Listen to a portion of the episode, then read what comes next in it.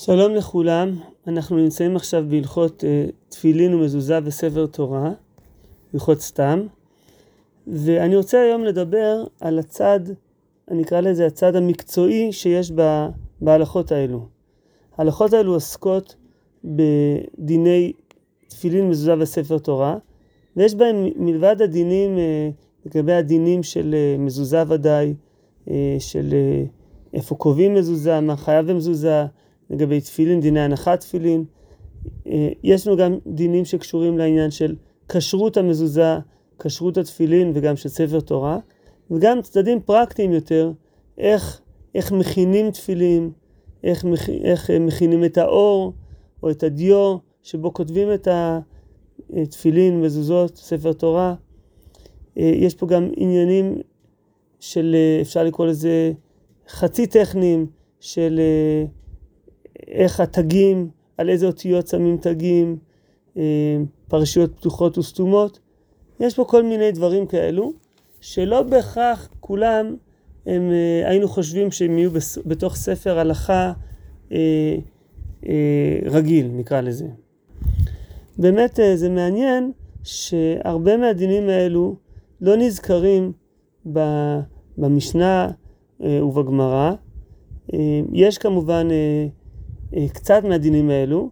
קודם כל, בכלל אין מסכת אה, במשנה שהיא מיוחדת לנושאים האלו, שזה נושא שדורש עיון בפני עצמו. איננו מסכת אה, מזוזה או מסכת תפילין, מסכת ספר תורה. יש במסכתות הקטנות, אבל זה לא חלק מה, מהמסגרת של המשנה, של שישה סדרי משנה. וגם הדינים ש, שכן נזכרים, נזכרים בדרך כלל בדרך אגב ובצורה חלקית מאוד.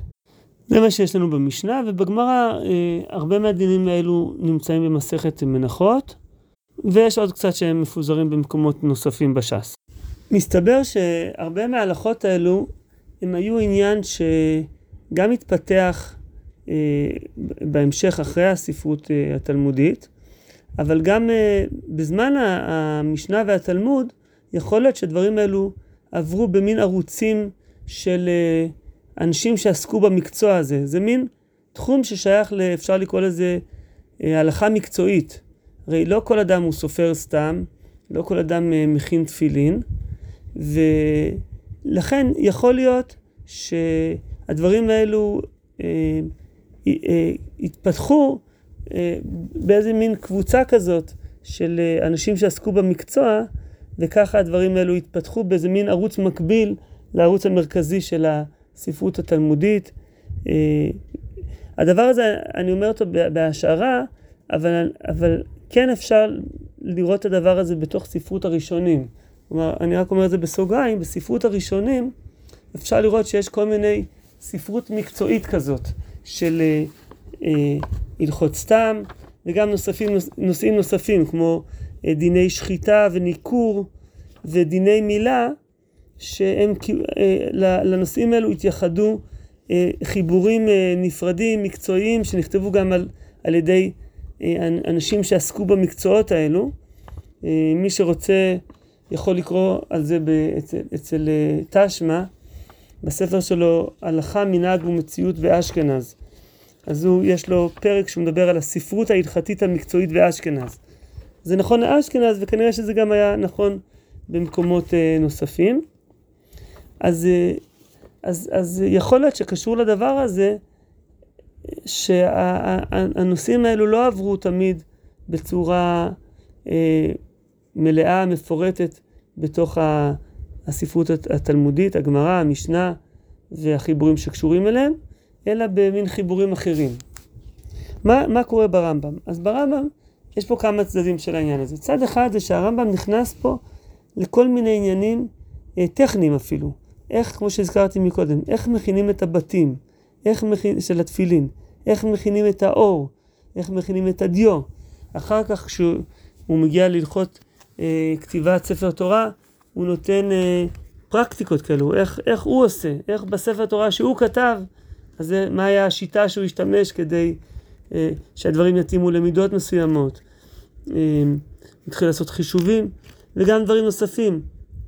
הפרשיות הפתוחות והסתומות, אה, חסרות ויתרות, פרשיות של התפילין, אה, האותיות שעושים עליהם תגים. כל אלו דברים שזה מתאים אולי לספרי, אה, לתיקון סופרים, ספרים מהסוג הזה, אבל פה הרמב"ם מכניס את זה פנימה לתוך משנה תורה. זה דבר מעניין, וזה קשור אולי לדבר הזה שהרמב"ם רוצה שהספר שלו יהיה ספר כמה שיותר שלם, אז גם את הדברים האלו הוא לא מזניח, אלא הוא מתייחס אליהם. צד נוסף שיש, שגם הזכרת אותו מקודם, זה הספרות שהרמב"ם משתמש בה. אה, כידוע הרמב"ם לא כתב מקורות באופן כללי במשנה תורה ולכן אנחנו לא תמיד יכולים לדעת מה הספרות שהרמב"ם אה, משתמש, אבל בכל אופן אפשר למצוא פה רמזים לכך שיש לו מקורות אחרים, לא המקורות הרגילים. אני אזכיר פה כמה מקומות כאלו. קודם כל יש פה צד, עוד לפני המקורות הכתובים, של הייתי אומר מסורות בעל פה. זה דברים שאולי מהאופי שלהם לא תמיד נכתבו, והם עברו במסורות אה, על ידי אה, אה, אנשי מקצוע, ואולי בכלל מסורות בעל פה. אז אני אראה דוגמה אחת או שתיים כאלו, ואז נעבור לדברים נוספים. דוגמה אחת כזאת היא כשהרמב"ם מדבר על קשר של תפילין. זה דבר מעניין, הרמב"ם אומר, אה, מכניס רצועה של ראש בטובר שלה, הוא מקיף כמידת ראשו, וקושר קשר מרובע כמין דל, זה האות ד', ואז הוא אומר, וקשר זה צריך כל תלמיד חכמים ללומדו, ואי אפשר להודיע צורתו בכתב, אלא בראיית העין. כלומר, הרמב"ם אומר פה, הקשר של תפילין, של תפילין של ראש, כל אחד, אה, תלמיד, תלמיד חכמים צריך לדעת איך לעשות אותו, צריך ללמוד אותו, זה מופיע דרך אגב בגמרא, הדבר הזה. והוא מוסיף, אי אפשר להודיע צורתו בכתב אלא בראיית העין. זה משהו שאי אפשר לתאר אותו בכתב, אלא צריך לראות את זה. כלומר, בעצם זה משהו שאפשר להעביר אותו רק במסורת אה, בעל פה, שמעבירים את זה ממש עם הדגמה. אה, דוגמה נוספת שהרמב"ם כותב, ב, ב, זה היה קראתי עכשיו מתוך אה, הלכות פרק אה, ג', הלכה י"ג, בהלכות אה, תפילין מזוזה וספר תורה. ועכשיו דוגמה נוספת מפרק ז', שהרמב"ם מדבר על, ה, על דיני ספר תורה. להיזהר באותיות הגדולות ובאותיות הקטנות ובאותיות הנקודות ובאותיות שצורתן משונות, כגון הפין, הלפופות והאותיות העקומות. זה כל מיני דברים שלא נוהגים בדרך, ברוב ספרי התורה שלנו, אין את הדברים האלו. אצל התימנים, או יש כל מיני ספרי תורה שזה נמצא, אבל ברוב הספרי תורה זה לא נמצא, האותיות הפפין, הפיין הלפופות והאותיות העקומות. אותיות גדולות וקטנות זה כן יש. בכל אופן, אה, אז הוא אומר, כמו שהעתיקו הסופרים איש מפי איש. כלומר, זה נושא שהסופרים העתיקו אותם איש מפי איש. דוגמה נוספת שדומה קצת לדבר הזה, זה לגבי העניין של התגים. הרמב"ם, כמו שהזכרתי מקודם, מפרט איפה שמים את התגין במזוזה וגם בפרשיות של התפילין, ואנחנו אה, מוצאים על זה, וזה דרך אגב שונה ממה שאנחנו נוהגים היום. אנחנו היום נוהגים לעשות את התגים באותיות שעטנז גץ, והצורה של התגים היא צורה אחידה, והרמב"ם מדבר על תגים שונים באותיות שונות, אה, וכמו שהוא מפרט, ויש על זה תשובה, שהרמב"ם, אה, אה, שואלים את הרמב"ם, זה נמצא בשו"ת הרמב"ם, מהדורת בלאו, קנ"ד, וככה הוא כותב. ותורנו הדרתו בתגין שבספר תורה ושבמזוזה, האם הם מחויבים או לא, ואם זה הלכה למשה מסיני, או הוא כתוב בתלמוד, ואם בארוזר הז"ל, או מנהג, ומאיזה זמן הנהיגו, והאם התגים הם זיינין, או סימנים על ראשי האותיות שאינם זיינין, והאם אפשר לוותר על זה אם לא, והכוונה לבאר זה ושלום. וככה משיב הרמב"ם, צורת התגים היא קווים דקים שבראשם עובי דומין לזין, יהיו על אותיות מיוחדות מכל התורה. יש עוד שיהיה עליה קו אחד מהם, ויש עוד שיהיה עליה שני קווים מהם, ושלושה ויותר, עד שבעה קווים. ואין ידוע לזה טעם, ואי אפשר לחללם בחוק, כלומר אין איזה מין עיקרון כולל שאפשר, שאפשר ל, ל, ל, על פיו לקבוע איפה שמים אה, איזה תג, והם אשר קוראים אותם החכמים כתרי אותיות, ועליהם אמרו קושר כתרים לאותיות וככה נמצאו בספרי תורות שכתב משה רבנו. ובאורך הזמנים רבתה המחלוקת במניינם ובאותיות אשר יהיו עליהם. אחת המסורות המונות אותם תשים על עוד שני תגין, ואחרת תשים עליה שלושה או אחד, וקצת האותיות יימצאו בתגין במסורת, ולא יימצאו עליהן תגין במסורת אחרת. כלומר, יש בזה מסורות שונות.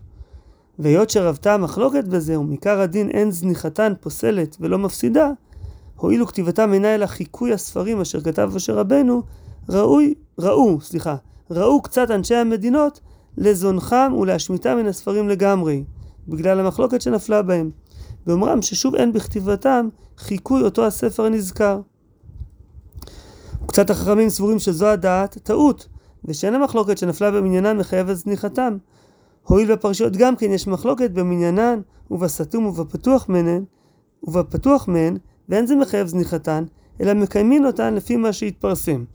כלומר, יש כאלו שאומרים שמכיוון שבעצם התגים זה בעצם מין חיקוי של איך שמשה רבנו כתב בספר תורה, בספרי תורה שהוא כתב, ומכיוון שאנחנו לא יודעים איך זה בדיוק היה, יש בזה כל מיני מסורות שונות, אז עדיף לוותר על זה, זה גם ככה לא מעכב.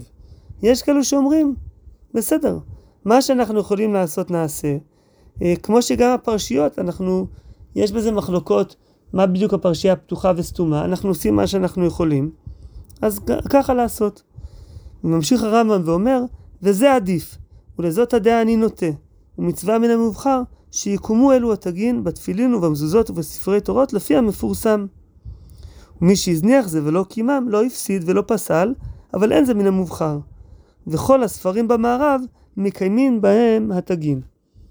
אז הרמב"ם נוטה, הוא מצדד בדעה שראוי לעשות, שזה מצווה מן המובחר לעשות, וגם הוא אומר בסוף, הוא אומר לעשות את זה כפי המפורסם, הוא אומר בסוף, כל הספרים במערב מקיימים בהם התגים. אז הוא גם מתייחס לספרי תורה שנמצאים בספרד, צפון, צפון, צפון מערב אפריקה, ששם באמת הספרים מתויגים, וייתכן שהרמב"ם, כשהוא מפרט את, ה, את התגים, אז הוא מפרט אותם על פי המסורות הללו. אני עכשיו חוזר למשנה תורה, להלכות שלנו, ועכשיו אני, הלכה הבאה ברמב"ם, פרק ז', הלכה י', וככה כותב הרמב"ם: יש דברים אחרים שלא אמרו אותן בתלמוד, ונהגו בהן הסופרים, וקבלה היא בידם איש מפי איש. ואז הוא מתחיל לפרט. ואין שיהיו מניין השיטים שבכל דף לא פחות משמונה וארבעים ולא יותר על שישים וכולי וכולי. וכל הדברים האלו למצווה מן המובחר ואם שינה לא פסל. אז הנה, כל מיני דברים שהרמב"ם פה אומר במפורש, הם לא כתובים בתלמוד. ו... אבל הסופרים נהגו בהם. וזה, יש להם קבלה היא בידם איש מפיש. זה מסורות כאלו שהועברו על ידי הסופרים, והרמב"ם מפרט אותם ואומר גם שהדברים האלו לא מעכבים. אבל הנה, אנחנו רואים פה שהרמב"ם מתייחס לסוג כזאת של ספרות או מסורות שהם עוברים לא דרך הערוץ התלמודי, אלא דרך סופרים. דוגמה נוספת לעניין הזה, דוגמה מפורסמת אולי, כשהרמב"ם מדבר על הפרשיות הפתוחות והסתומות, אז הרמב"ם מדבר על זה שזה דבר שהוא אה, פוסל, הוא יכול לפסול את הספר תורה. ואז אומר הרמב"ם ככה, ואני קורא מפרק ח' הלכה ד' ולפי שראיתי שיבוש גדול בכל הספרים שראיתי בדברים אלו, וכן בעלי המסורת שכותבין ומחברים להודיע הסתומות והפתוחות, נחלקים בדברים אלו, כמחלוקת הספרים שסומכין עליהם. כלומר, יש בזה רשימות של אה, בעלי המסורה, וגם שם יש מחלוקות שהן אה, אה, כפי שיש בספרי התורה. אז יש גם כן ב, ב, ב, אצל בעלי המסורה. ממשיך הרמב"ם ואומר, ראיתי לכתוב הנה כל הפרשיות התורה הסתומות והפתוחות וצורות עשירות כדי לתקן עליהם כל הספרים ולהגיע מהן. כלומר הרמב"ם רוצה, הוא כותב, הוא הולך להביא רשימה של כל הפרשיות הפתוחות והסתומות ש, שיש בספר תורה, כדי שזה יהיה רשימה מוסמכת שאפשר אה, להסתמך עליה. ובאמת מי שלומד אה, משנה תורה כסדר, אז הוא מכיר את הפרקים האלו שיש בהם צד מאוד אה, אולי משעמם, מין רשימה פשוט, רשימות של מאות פרטים, שהרמב"ם אומר, אה, הוא, הוא, הוא מצטט את הפתיחה של כל פרשייה, הוא אומר, אני סתם קורא למשל מחומש דברים, עכשיו אנחנו מתחילים את חומש דברים בעזרת השם, ואומר השם אליי, ונפן ונעבור, וידבר השם אליי, ואומר השם אליי ראה, ויתחנן, חמישתן סתומות. ואתה ישראל, כי תוליד בנים, אז יבדיל, ויקרא משה, ארבעתן פתוחות. וכולי וכולי. ככה הוא ממש מפרט את הפרשיות הפתוחות והסתומות, אה, כדי שיהיה אפשר אה, לדעת אה, איך לכתוב את זה בצורה הנכונה. אבל איך הרמב"ם יודע? אז הוא כותב, וספר שסמכנו עליו בדברים אלו, הוא הספר הידוע במצרים, שהוא כולל ארבעה ועשרים ספרים, שהיה בירושלים מכמה שנים להגיע ממנו הספרים, ועליו היו הכל סומכים, לפי שהגיעו בן אשר ודקדק בו שנים, והגיעו פעמים רבות, כמו שהעתיקו, ועליו שמחתי בספר תורה שכתבתי כהלכתו. אז זה הספר שאנחנו מכירים אותו בשם אה, כתר הרמצובה, וזה הספר הזה שהרמב"ם אה, שמח עליו, אה, בשל הדיוק הגדול ש, ש, שיש בו, אנחנו יודעים את זה גם היום, אחרי שחקרו את הספר הזה הרבה מאוד, רמת הדיוק שלו היא, היא מרשימה ביותר. ו... אבל לענייננו, מה שמעניין זה, הנה הרמב"ם אומר, אני משתמש פה, ב...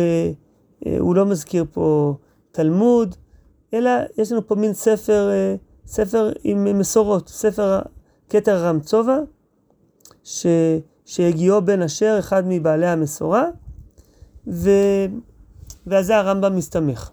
הדבר הזה מוביל אותי לנקודה האחרונה שאני רוצה לדבר עליה, וזה השאלה של מאיפה המסורות האלו מגיעות. אנחנו ראינו בתשובה שקראתי מקודם, שהרמב"ם מדבר על זה שכל הספרים במערב מקיימים בהם התגים. כן, המערב, כשהרמב"ם כותב מערב, זה, זה ספרד המוסלמית, איפה שהרמב"ם נולד בה, בצפון מערב אפריקה, שהרמב"ם עבר שם אה, בנדודים שלו לפני שהוא הגיע לארץ ישראל ואז התיישב במצרים. באופן כללי אני חושב, וזה דורש אה, בדיקה יותר מקיפה, הרמב"ם אה, יש לו הרבה, זה בעצם המקורות שלו הם מקורות ספרדים. ספרדיים, שם הוא למד, שם התורה שלו הגיעה דרך ערים מיגש וגם עריף, ש... הם היו באזורים של אה, ספרד וצפון אפריקה. ואני חושב שהרבה פעמים הרמב"ם נותן איזושהי עדיפות ל, ל, גם כמובן ל, לרבנים האלו, הם הרבנים שלו, וגם אולי למנהגים שהיו שם.